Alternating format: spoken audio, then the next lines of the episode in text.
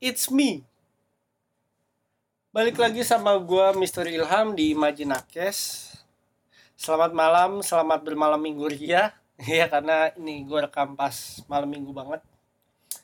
Uh, kebetulan gua kemarin baru habis nulis materi ya.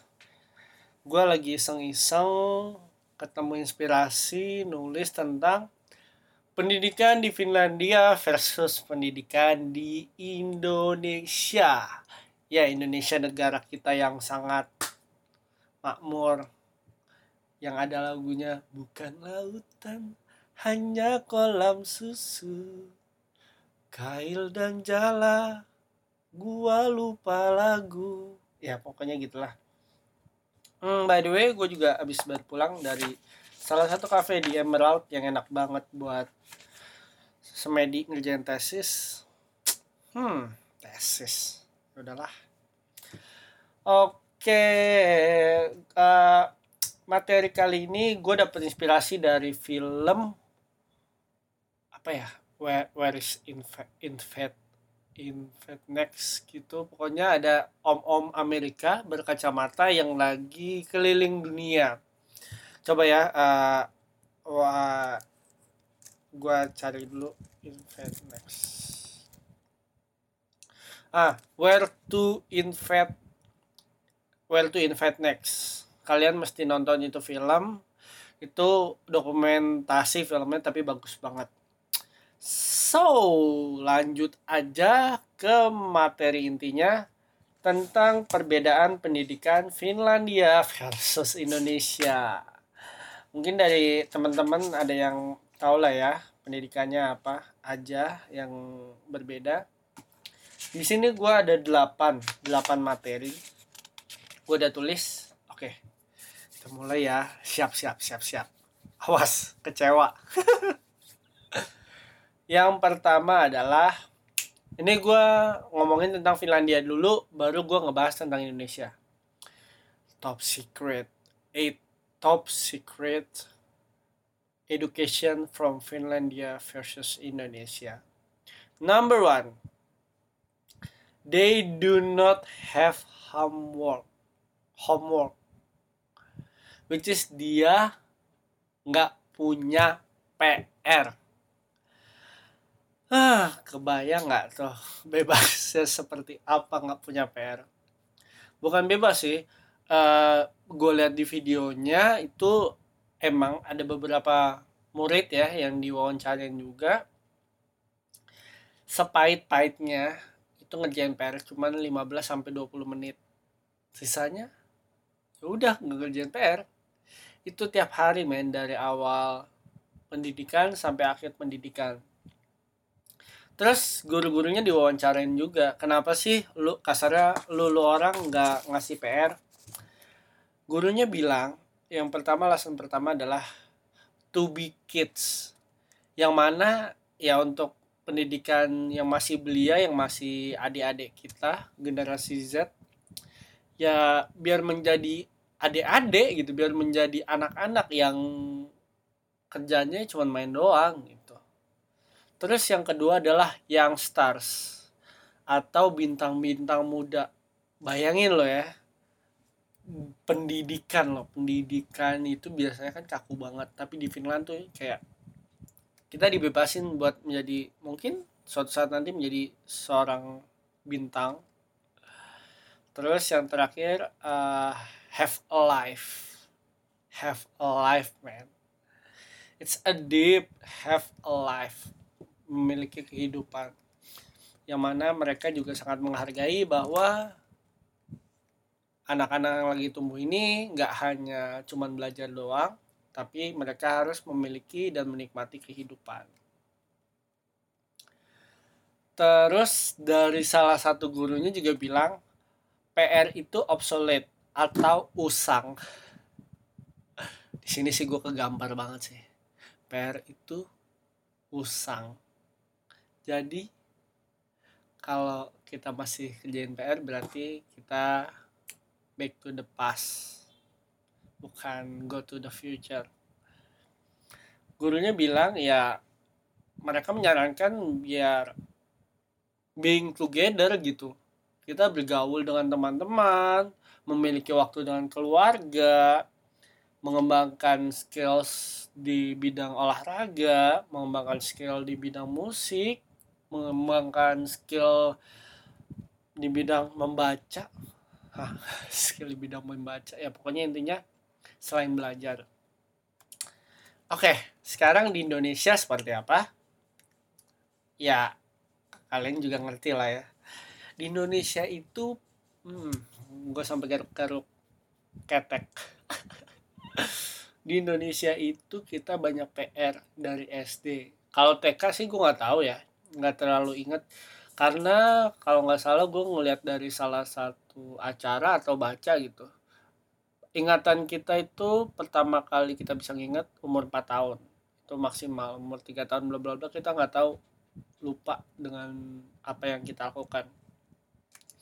Di Indonesia itu paling banyak yang namanya PR dari buku cetak merembet ke LKS kadang-kadang referensinya di internet dan soalnya bercabang.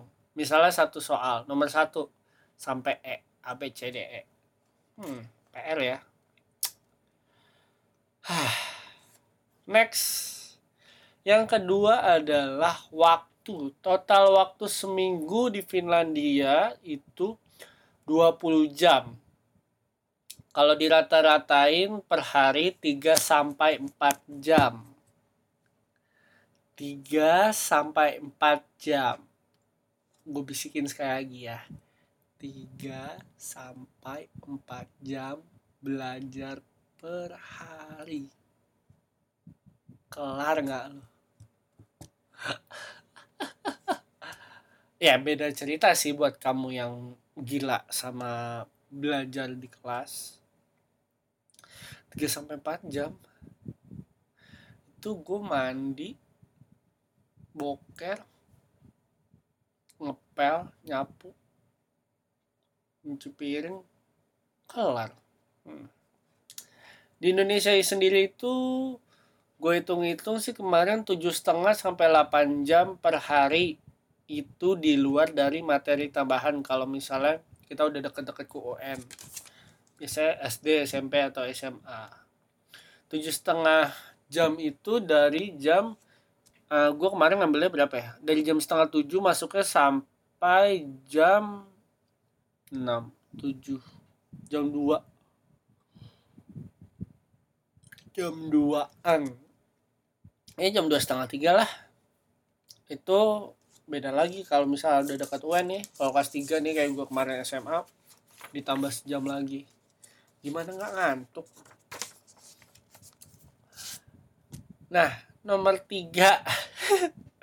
Ini yang kocak sih. Siap-siap ya. Nomor tiga di Finlandia itu mereka menghilangkan tes standar dan tes nasional which is kalau di Indonesia itu UTS UAS dan UN UN dihilangkan. Kenapa? Gue juga nggak ngerti sih spesifiknya alasan mereka seperti apa.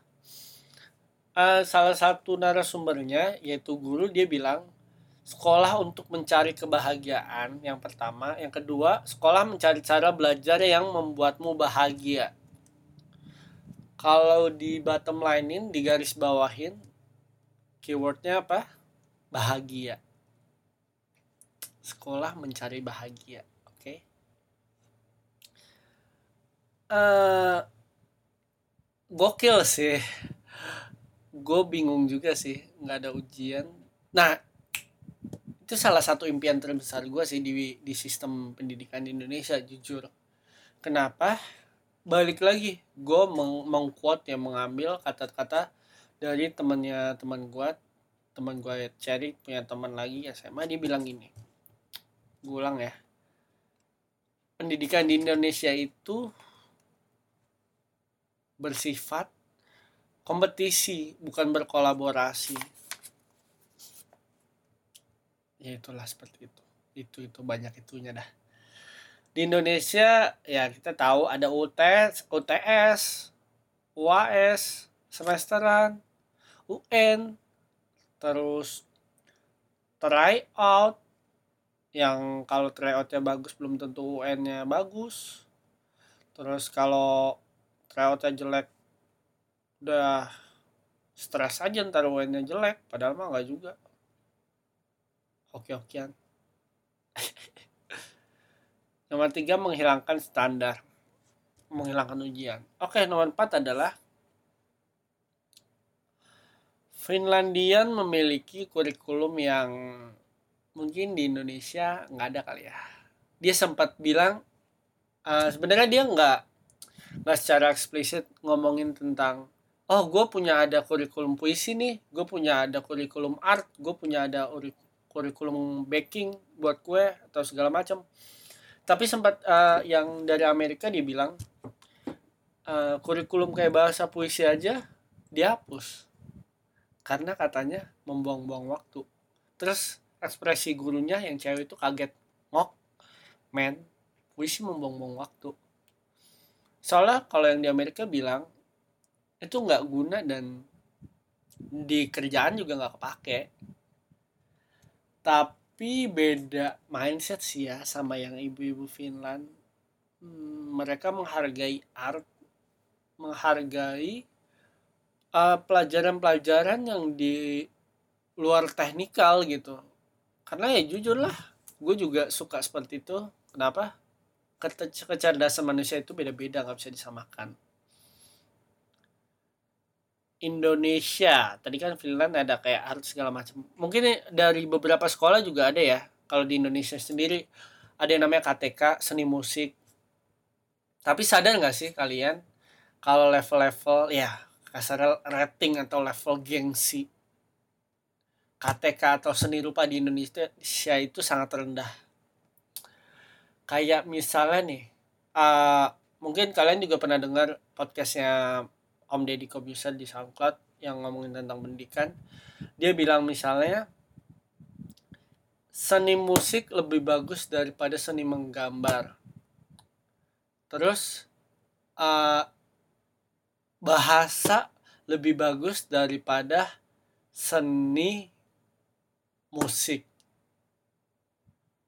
uh, matematika pokoknya nomor satu lah ya dibanding semuanya kalaunya eh kalaunya kasarnya kalau misalnya kita bisa tahlukin itu matematika berarti kita pintar semuanya ya seperti bukan dogma sih ya kayak stereotip stereotip orang Indonesia kan seperti itu lah ya hmm. Kurikulumnya terus. Nah, yang menarik adalah nomor 5. Hmm, semua sekolah di Finlandia itu favorit sama saja equal atau sama rata. Jadi ya kalau misalnya kita tinggal di Finland, anak kita mau sekolah A, sekolah B, sekolah C, ya sama aja. Karena di sana emang bagus dan di sana juga peringkat lima terbesar pak pendidikan di Indonesia eh pendidikan di Indonesia pendidikan di Finland. Jadi wes apa so, sama aja lah pokoknya. Aku lupa bahasanya bahasa Jawanya apa. Sedangkan di Indonesia banyak sekolah-sekolah yang unggul. Balik lagi yang gue bilang tadi uh, di Indonesia itu pendidikan dibuat kompetisi bukan berkolaborasi. Uh, kayak kemarin waktu itu gua apa di Jakarta 76 478 yang paling eksis yang orangnya katanya pintar semua. Terus apalagi ya? 7482 dan lain-lain. Gue waktu milihnya itu kalau nggak salah 47 87 74 ya gue masuk di salah satu itu SMA lah pokoknya. Nomor 6 ah cara mengajar. Gue kaget sih ini. Cara mengajar mereka itu mengajar sesuai dengan anak muridnya mengajar sesuai dengan permintaan anak muridnya hmm, lagi-lagi nggak dijelasin secara spesifik sih cuman dari kata-kata itu juga udah menjelaskan kayak gurunya masuk tak tak tak tak tak tak. Gue lagi berimajinasi gurunya masuk. Halo anak-anak udah makan belum? Kalau belum ya kasihan deh lu. Jadi hari ini kita mau belajar apa? Hmm, ada yang nunjuk. Matematika bu gitu satu orang yang nat kesel banget ya kayak gue ya. Ya keresahan sih. Terus yang lima orang lagi bahasa bu. Uh, pokoknya intinya tuh sesuai anak ya. Kalau anaknya mau belajar A ya udah hari itu belajar A. Gokil ya. Jadi nggak bete gitu. Kayak misalnya lagi lagi pelajaran yang nggak gue suka tiba-tiba ya bawahnya ngantuk aja pengen balik terus habis itu uh, kalau di Indonesia pelajarannya sesuai dengan kurikulum. Uh, hari Senin misalnya, bahasa Indonesia, matematika, fisika, uh, kimia, agama, olahraga, semuanya dihajar. Ya udah dari jam 7 sampai jam sore kita harus belajar dengan sesuai kurikulum. Ada bagusnya juga sih kenapa? Karena bawa bukunya sesuai dengan kurikulum. Kalau di Finland eh Finland Finland gue nggak ngerti sih cara bawa buku mereka gimana. Satu buku yang isinya gado-gado atau mungkin mungkin mungkin ada kurikulumnya juga kali ya. Hmm. nomor tujuh. Uh, ini yang dalam banget sih. Guru-guru mengajar murid untuk lebih menjadi nomor satu orang yang bahagia nomor dua menghormati orang lain itu gokil sih. Lagi-lagi gue nggak ngerti ya. Mungkin kayak keyword pendidikan di Finland itu adalah bahagia. Lebih ke arah apa ya? I E E S emosional. Q Q Q. Gue nggak tahu itu apa. Ya lebih ke arah soft skill kali ya. Uh, yang ngomong nih guru matematika nih yang ngomong nih. Bapak-bapak murid-muridnya biar menjadi orang yang bahagia menghormati orang lain respect Nah, kalau di Indonesia ya udahlah ya, gue sama lu pernah juga SD, SMP, SMA dan kuliah. Ah, kuliah kayaknya nggak tahu sih sama atau enggak. Cuman ya banyak kan teknikal ya. Karena gue menyadari bahwa di Indonesia ini sistem pembelajarannya kita diajari agar menjadi pekerja, karyawan, bukan menjadi wira swasta atau pemilik bukan pemilik ya pencipta lapangan pekerjaan. Hmm galau lo ya. Sama lah kayak gue terus dia bilang ada lagi kalau nggak salah kepala sekolah atau apa dia bilang gini karena hidup ini lebih dari hanya duduk di bangku sekolah saja. I want children to play. Gokil, penutup yang sangat hebat. Karena hidup ini lebih dari hanya duduk di bangku sekolah saja. Disclaimer, ini gue bukan nyaranin kalian untuk nggak sekolah atau nggak berpendidikan ya. Pendidikan itu penting. Tapi mungkin sistemnya aja ya yang ah gitu deh uh, kalau kalau kita ya 9 tahun wajib kul eh 6 9 12 tahun wajib itu di kelas duduk sekitar 7 sampai 8 jam. Ada istirahat pertama jam setengah 10, istirahat kedua jam 1.20. Ya, waktu istirahat gue sih dulu gitu. Pulang jam 3. Kalau nggak ada PM atau penambahan materi, ya pulang jam 3. Kalau ada jam jam 4 mungkin ya, 4 setengah 5 habis asar. Uh, ya gitulah di Indonesia gue nggak ngerti ya uh, pokoknya Finland bilang karena hidup ini lebih dari hanya duduk di bangku sekolah aja. Nah mungkin di Indonesia ini kalian bisa mengkuatkan karena hidup ini bla bla bla di bangku sekolah saja mungkin isi sendiri lah ya. Hmm, keresahan gue selama ini baik lagi kayak ini kan udah ditunjukin lah ya. Gue belum ngecek sih Finland itu tahun 2016 atau 17 itu peringkat keberapa pendidikan. Tapi gini kenapa kita nggak membenchmark Finlandia? Apa prinsip yang ribet? Ke, kenapa bisa ribet kalau eh kenapa bisa ribet? Kenapa nggak ribet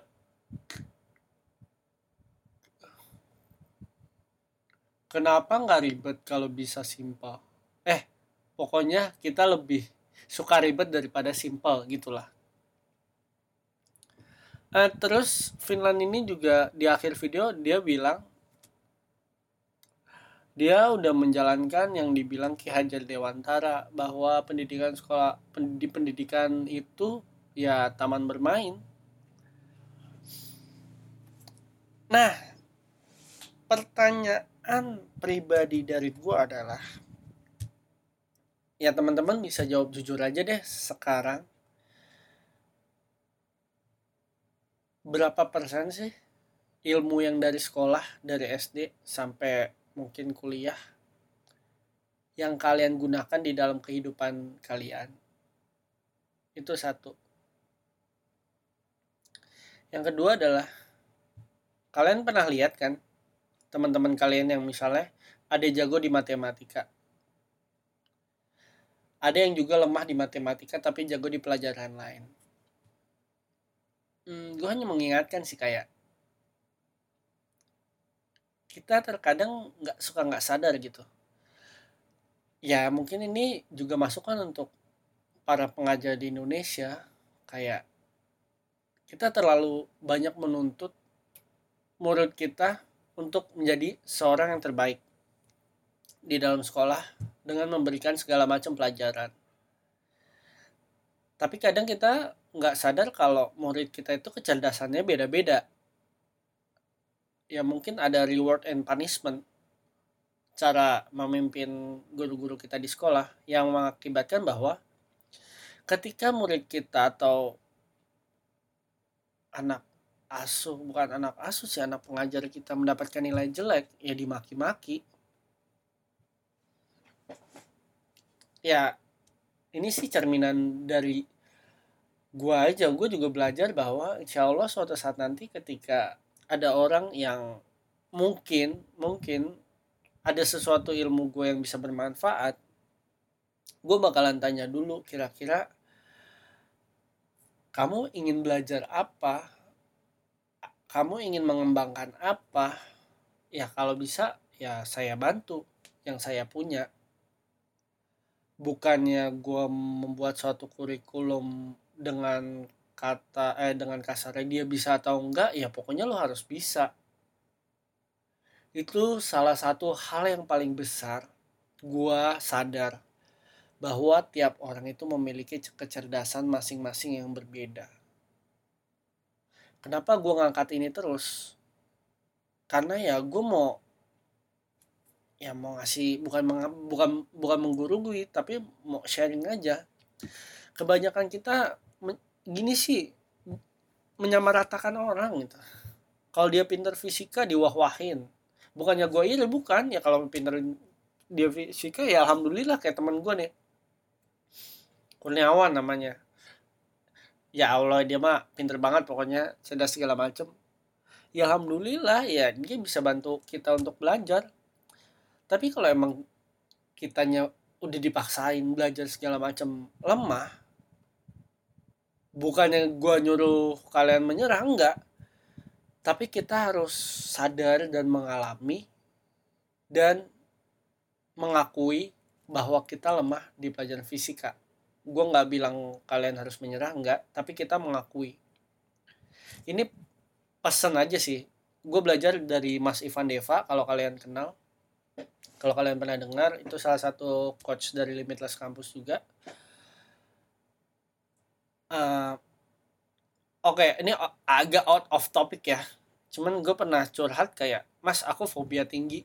Gimana sih cara ngadepinnya?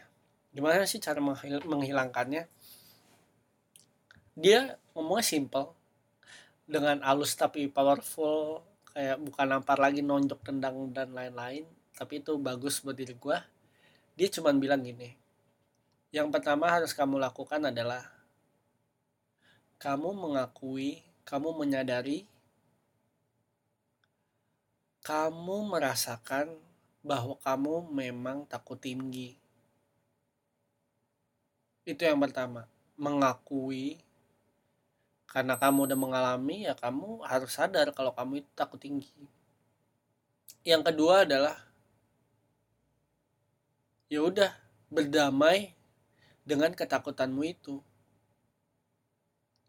Emang awalnya agak susah ya agak susah sih kayak gitu. Sampai sekarang gue juga masih takut tinggi.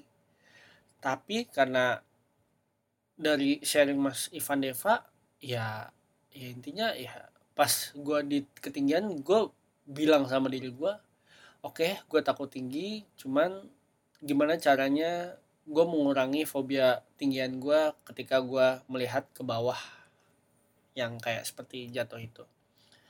Kalau di pendidikan gue refleksikan lagi ya ini sharing dari gue ya. Gue sama kakak gue itu beda. Gue sama kakak gue itu beda. Kakak gue pintar banget sama hitung hitungan dia lebih teknikal tapi gue sendiri lemah di hitung-hitung gue lebih prefer kepada ah, mungkin daerah bagian seni lah ya.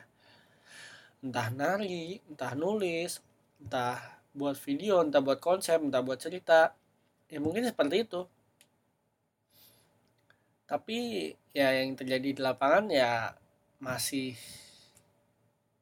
ada kesenjangan kecerdasan lah ya. Ya mungkin itu aja ya. Del ya gue sharing aja sih sorry kalau kelamaan.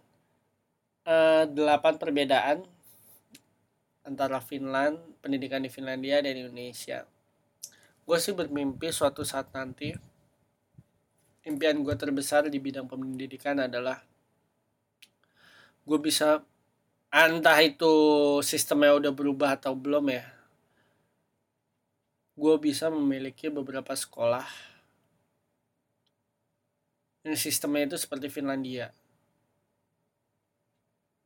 Gue nggak tahu legalisasinya gimana segala macam dapat ijazah bagaimana. Tapi gue yakin dan gue berharap bahwa suatu saat nanti sekolah itu akan ada. Karena orang Indonesia pada saat ini banyak yang cerdas tapi hanya karena sistem pendidikan kita yang gue nggak bilang jelek yang membatasi seseorang dari nilai A B C D E yang bisa hmm, membatasi kreativitas kita kali ya sebagai manusia yang cerdas yang lahir menjadi seorang pemenang dari sebuah sperma di Indonesia ini ya pesan-pesan gue itu aja lah ya. Semoga pendidikan di Indonesia semakin baik semakin maju dan semakin berkembang dengan sistemnya. Gue berharap banget kita bisa nge-benchmark dari Finlandia apa pun itu caranya. Dan gue berharap untuk para pengajar atau coach atau guru-guru guru-guru SD, SMP atau SMA serta dosen-dosen kuliah gue jangan pernah menganggap enteng kelemahan seseorang murid kalian ketika mata pelajarannya di bidang kalian itu lemah. Mungkin mereka lemah pada saat itu. Tapi kita nggak tahu kelebihan mereka itu di bidang lain seperti apa. Mungkin bisa berpotensi lebih besar daripada kelemahan itu sendiri. So, gue Mr. Ilham, undur diri dulu. Thank you banget. Semoga podcast kali ini bermanfaat. Jangan lupa subscribe, follow YouTube, medium gue, atau Instagram, Twitter, dan lain-lain. Gue Mr. Ilham, undur diri dulu. Semoga bisa bermanfaat. See ya.